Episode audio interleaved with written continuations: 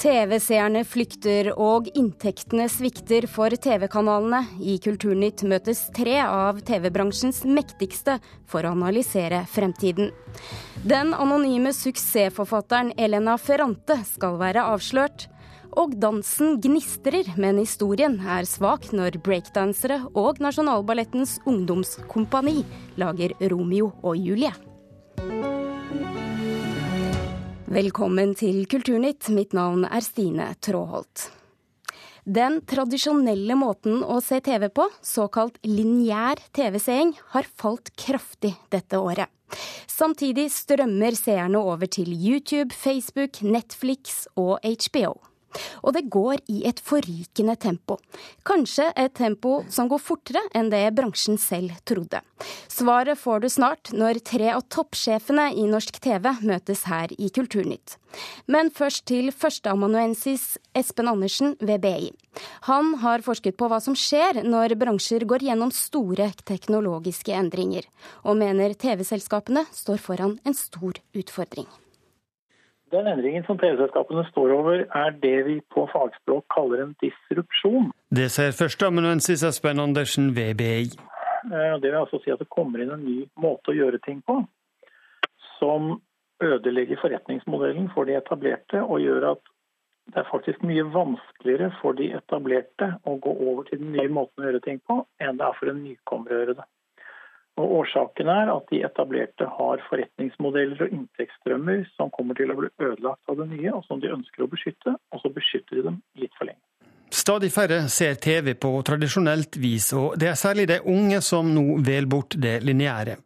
TV-kanalene må derfor tenke nytt for å nå publikum, og da må de også tenke nytt om hva og hvordan de skal tilby innholdet sitt, sier Andersen.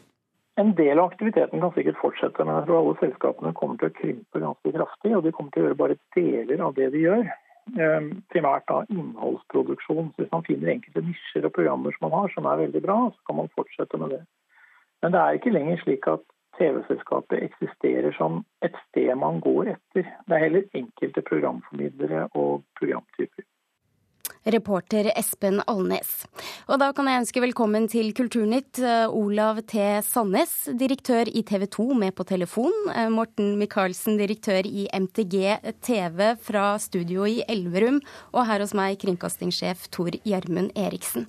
Jeg begynner med deg, Olav T. Sandnes. I forrige uke så ble det kjent at TV 2 må kutte 177 stillinger som følge av store innsparinger i TV 2. Hvordan vil du beskrive denne utfordringen som TV-bransjen nå står overfor? Ja, Det er jo en, en utfordring som, eh, som Andersen helt riktig påpeker gjelder for alle aktører. Og Utfordringen det ligger jo at det, det, vi, det, vi, skal leve for, det er ikke uendret. Noe av det aller viktigste vi lever for, er jo den daglige kontakten med seerne. Og at vi ønsker å engasjere og løfte problemstillinger som berører nordmenns liv. Men det vi skal leve av, det er, gjennom, det er midt i store, store endringer. Og akkurat nå så ser både vi og MTG og Discovery, altså alle de, de, de store kommersielle TV-aktørene, at vi er nødt til å gjøre større endringer. Vi har både sett på kostnader, som du refererte nå, men vi har naturlig nok også sett på hvordan skal vi nå den norske befolkningen med journalistikken og programmene våre, og ikke minst hvordan skal vi finansiere dette. Men kommer dette litt som julekvelden på kjerringa? Nei, det kommer ikke som julekvelden på kjerringa. Eh, I to, år 2000, altså for 16 år siden, så etablerte vi TV 2 Sumo. Og eh, vi har hatt god suksess med TV 2 Sumo. Samtidig så ser vi at eh, vi må gjøre et uh, taktskifte. Uh, vi har i mange år hatt dette som en, en separat virksomhet uten at vi har fattet tilstrekkelig på den, og ser nå at vi, vi nå må satse på fullt også på, på, den tjenesten som handler om strømmetjenester. Ja, og Det er da også et satsingsområde for dere. Dere i MTG Morten Michaelsen, gjorde et konkret grep nå i høst og satset stort på gratis strømmetjenesten Viafree. Hvorfor det? Ja, Det er riktig at vi gjorde det. Eh, og, og vi ser nok eh, atskillig lysere på eh, framtiden enn det mange av medieprofetene gjør. For det Forretningsmodellene de, de, endrer seg. Vi har gått fra én forretningsmodell primært basert på lineær-TV, og vi har nå tre tre funksjonelle og virksomme forretningsmodeller. Det ene er den klassiske lineærmodellen. Det andre er en betal strømmetjeneste som heter Viaplay. Og så har vi en Viafree, som er en gratis strømmetjeneste, som da Eh, gjør at vi når ut til eh, veldig mange seere som vi ikke når på, eh, på lineær-TV.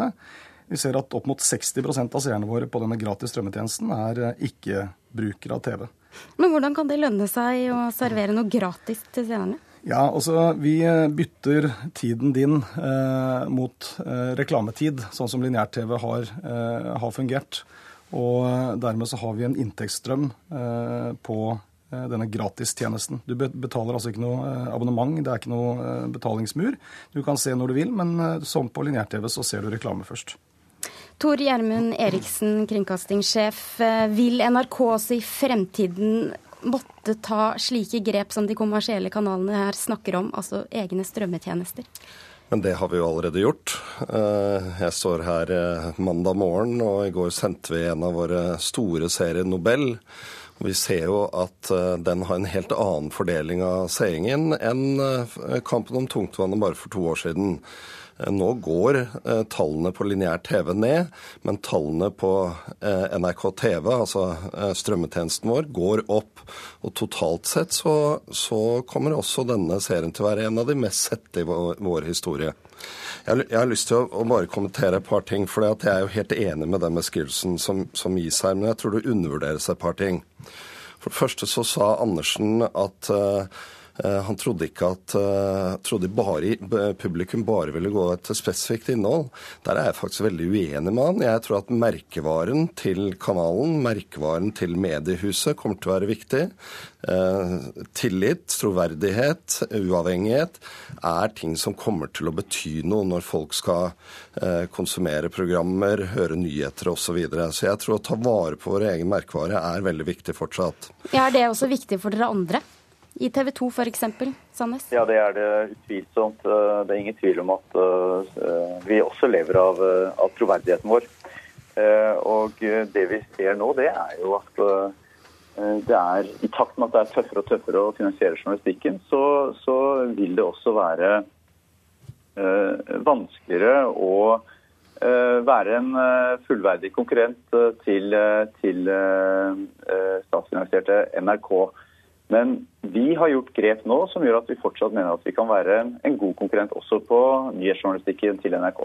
Ja, Når man ser hvordan resten av bransjen her sliter om å kutte, Eriksen, er NRKs fortrinn med lisenspenger rett og slett urettferdig?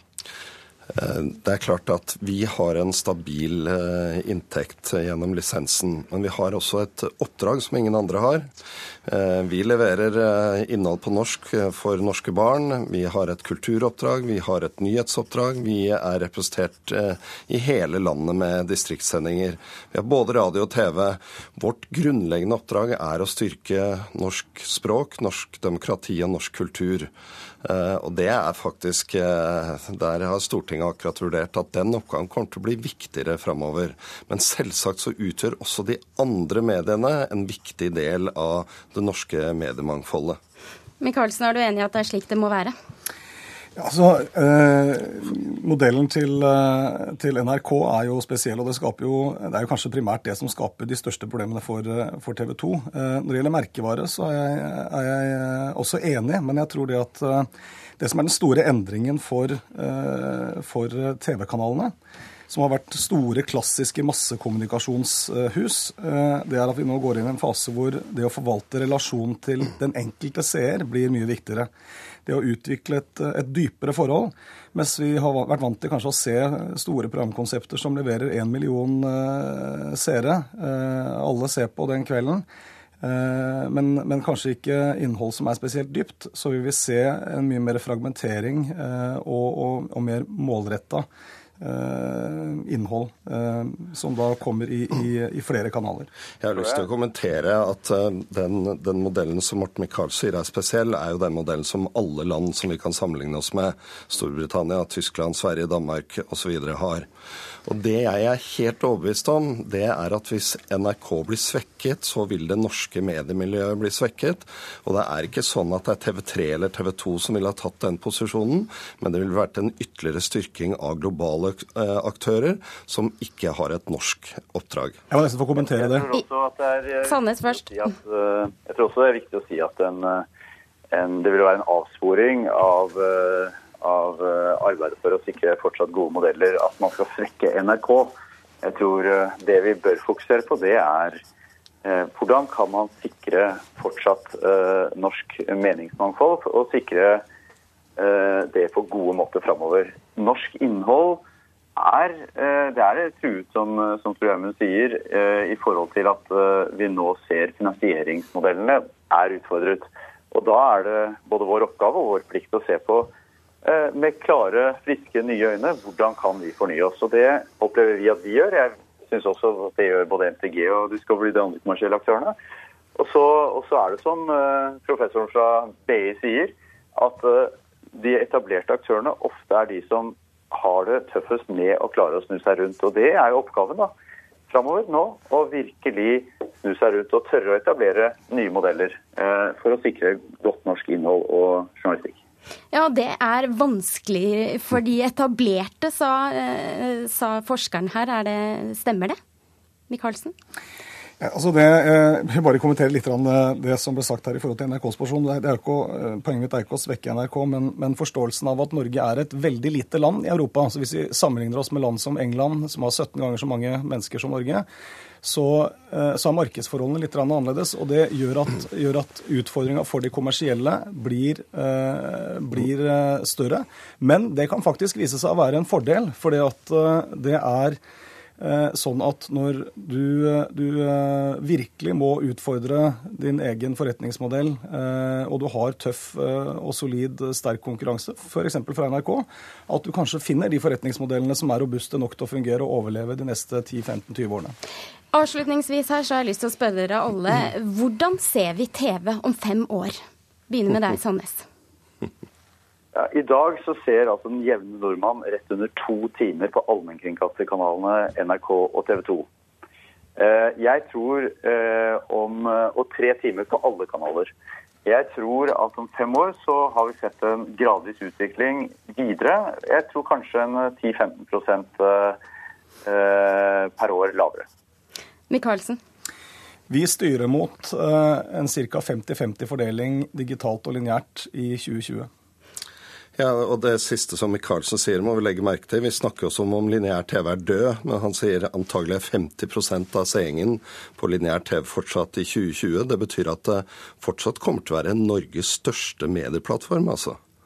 Vi får følge med videre. Tusen takk for at dere var med i Kulturnytt. Olav T. Sandnes, direktør i TV 2, Morten Micaelsen, direktør i MTG TV, og kringkastingssjef eh, Tor Gjermund Eriksen. Du hører på Kulturnytt, og klokken er nå 16 minutter over åtte. Dette er hovedsakene denne morgenen. Utenriksminister Børge Brende sier at Norge vil fortsette arbeidet med å få til en ny fredsavtale for Colombia. I går sa folket nei til fredsavtalen mellom FARC-geriljaen og regjeringen i en folkeavstemning. Forbrukerrådet hevder at finansbedrifter tjener på å skjule gebyrer for pensjonssparing. Nå krever Forbrukerrådet at finansnæringen forteller hva pensjonsforvaltningen faktisk koster. Og støtten Oslo kommune ga til folk som ville kjøpe elsykkel, har vært vellykket, mener Transportøkonomisk institutt. De som fikk støtte, kjører mindre bil og sykler mer enn det de gjorde før. Og da skal vi gjøre et eh, hopp til eh, dans. For de er kritikerroste innen hver sin stilart, men nå danser Nasjonalballettens ungdomskompani og breakergruppa King Wings Crew Romeo og Julie sammen. Urpremieren den var i Grieghallen i Bergen på fredag, og nå skal du få en liten smakebit fra forestillingen. I, Juliet Do take thee, Romeo, to be my husband, to have I, Romeo, and to hold, do take thee, Juliet, to honor to be my wife, and to cherish, to have forever to love. and to hold. Kritiker i NRK, Karen Frøsland Nystøl. Hvorfor dro du til Bergen for å få med deg denne premieren? Fordi dette er to veldig spennende kompanier. Nasjonalballetten Ung er jo en kjempesatsing i operaen i Nasjonalballetten. Og eh, King Wings Crew er et veldig spennende og veldig dyktig breakerkompani som har vært norgesmester i break fra 2009 til 2013, og som mange kjenner fra norske talenter. I tillegg så er denne fusjonen mellom klassisk og break av, eh, et av hjertebarna til ballettsjef Ingrid Lorentzen. For hun har dratt inn disse breakegutta før og latt, eh, latt de danse mot eh, det voksne ballettkompaniet i operaen. Nå fant de fram Nasjonalballetten Ung og tenkte her er det materiale til å gjøre Romeo og Julie. Og når, eh, når King Wings har vært i operaen før, har det vært kjempesuksess og salgssuksess, så dette er viktig for dem, tenker jeg. Og jeg lurer jo på hva to sånne unge og åpne kompanier kan tilføre Shakespeare sin historie om Romeo og Julie. Og da har vi, er jeg spent på å høre, for du har svaret. Ja, først av alt da, så vil jeg si at det er to helt fantastiske kompanier som møtes. Nasjonalballetten Ung er så um, uperfekt perfekte. Det er en sånn herlig friskt kompani. Og King Wins Crew, der sitter alt ut til fingerspissene. Og det er en morsom fusjon. Styrken ved oppsetninga, det er når disse kompaniene møtes, enten i duo eller i større grupper, og danser mot hverandre, overtar hverandres stilart og bevegelse. Og da særlig når de beveger seg over i samtidsmusikken og den klassiske samtidsdansen. Der skjer det utrolig mye mellom danserne. Så har jeg en kjempestor innvending, og det er jo at her glipper historia, her glipper dramaturgien. Det blir en annen historie om Romeo og Julie enn den jeg forventer å få. Eh, jeg syns dramatikken uteblir. Eh, grunnene til det, det er at det er ingen voksne med i denne forestillinga. Så det er ikke noe konfliktgrunnlag. Det er ingen familiefeide på liv og død. Og, og det merkes veldig fort. Det er heller to gjenger som, som ikke liker hverandre, men som går helt greit sammen. Altså de kan, de kan når, når Romeo sin slekt, Montague-gjengen, kommer inn på maskeradeballet til Julie sin familie, det er der det starter, så er det helt greit. De danser mot hverandre, og det ser bra ut, og det ser ut som de kommer greit overens. Så, så alle dødsfall som skjer, mangler motivasjon, og bryllupet på sett og vis mangler òg motivasjon. Og det er virkelig ingen grunn i verden til at Julie skal ta gift før hun møter Romeo siste gang og bare dø i armene hans. For det har egentlig ikke skjedd noe før som har bygd opp til at hun skal ta det store skrittet som hun gjør. Så historien den faller, og det gjør jo selvfølgelig at hele stykket, dramaturgisk sett, fortellermessig sett, er i fare. Og hvordan vil du da oppsummere denne forestillingen? Ja, dette er en forestilling der eh, regien vil for mye. Um, der det er masse vilje til å, å, å, løse det på mange forskjellige måter. Det er som å pynte ei kake altfor, altfor mye. Da blir den ikke alltid god. Uh, når regissør og koreograf Patrick King har to så viljesterke kompanier med seg, så må han skjære ned og skjære ned for å få fram den den viljen, den gaven denne viljen representerer. For det må behandles med omhu. Så det krever kutt for at det utrolig vakre som skjer mellom disse komponiene, kan få komme fram og kan få blomstre. Tusen takk, kritiker i NRK, Karen Frøsland Nystøl.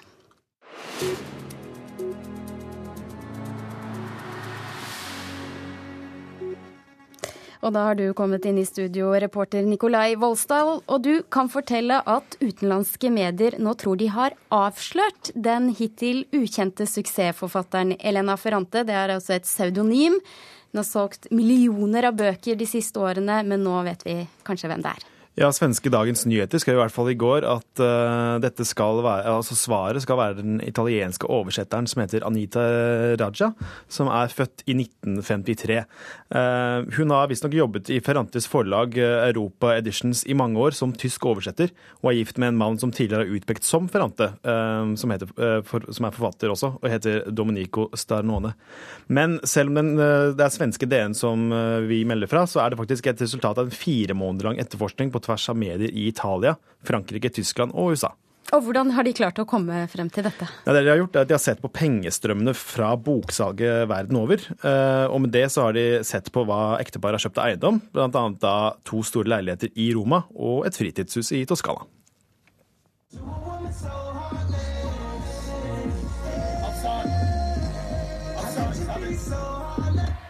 I'm sorry, this is a family emergency. I have to stop the show.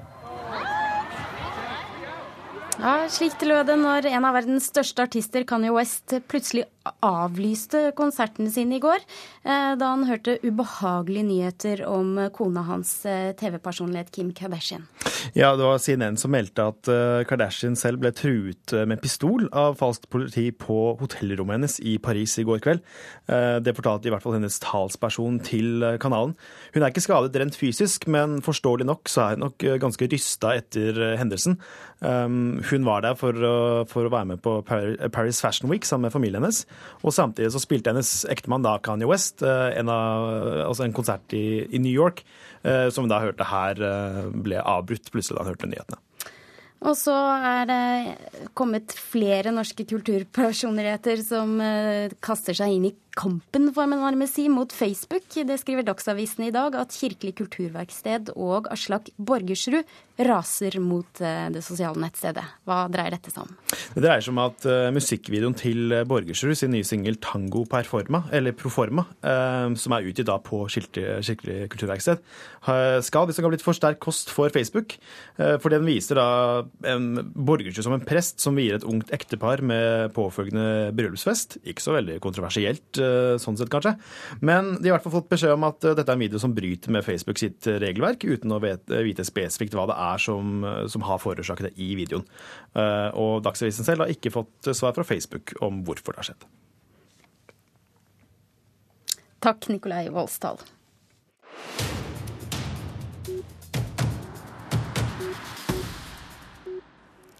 Vi er kommet fram til denne ukens kunstanmeldelse, og der er tema biedød. For biene spiller som kjent en viktig rolle i naturens store forplantningssystem, og de siste årene har det vært eh, mye snakk om at biene er i ferd med å forsvinne. Og utstillingen To be or not to be, som eh, åpnet i helgen på galleri F15 i Moss, utforsker denne problematikken på ulike måter. Mona Palle Bjerke, kunstkritiker her i NRK. Dette var en utstilling som du faktisk skyndte deg til Moss for å få med deg? Ja, det var det. Og jeg merket meg denne tittelen. Og dette er jo en uhyre interessant eh, tematikk. Og en viktig tematikk. Det er jo mer enn bidød også, for det handler om vårt instrumentelle forhold til naturen, der vi melker og kryster ut det vi kan som kan gi eh, økonomisk vinning. Av skogene, av havet, av jordsmonnet, av dyr og også insekter. Og uten da tanke på om vi forvalter naturen på en bærekraftig måte. Så dette var jo en tematikk som jeg også var veldig spent på hvordan de skulle klare å lage en bra utstilling, utstilling ut av. For det er ikke lett å lage utstillinger ut fra denne type skal jeg si, vitenskapelige eller biologiske tematikker. Hvordan nærmer de ulike kunstnerne seg denne tematikken da i utstillingen? Ja, På forskjellige måter. Eh, den svært unge kunstneren Alessandro Sau han maler eh, bilder ut fra slik biene ser det, eh, på baksiden av bikuberammer, slik at den ene siden er formet av biene selv med dette vakre bi, og på den andre siden har han da malt blomsterenger i Italia, med biperspektiv på en måte. Og et annet verk, som er et hybridverk, det er Sevdet Erek en tyrkisk kunstner, som da lager man kan si en installasjon eller en skulptur, eller kanskje er det et maleri eller et lite stykke virkelighet.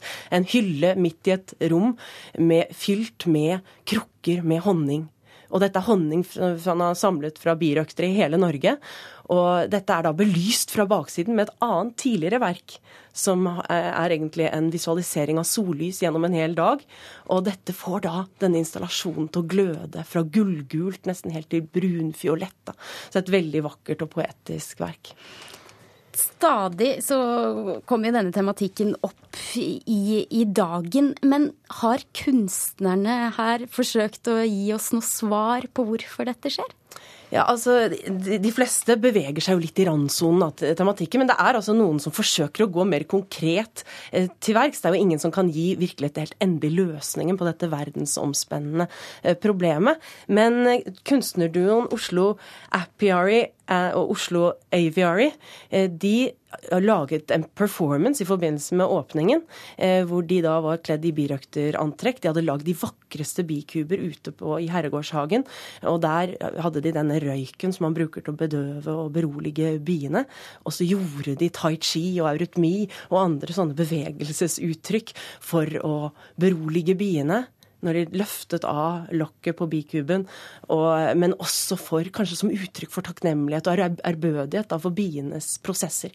Ikke for å presentere kanskje en løsning, men for å vise en annen holdning til naturen enn det at vi bare skal produsere mest mulig. For disse guttene her, de tar faktisk ikke ut honning fra biene.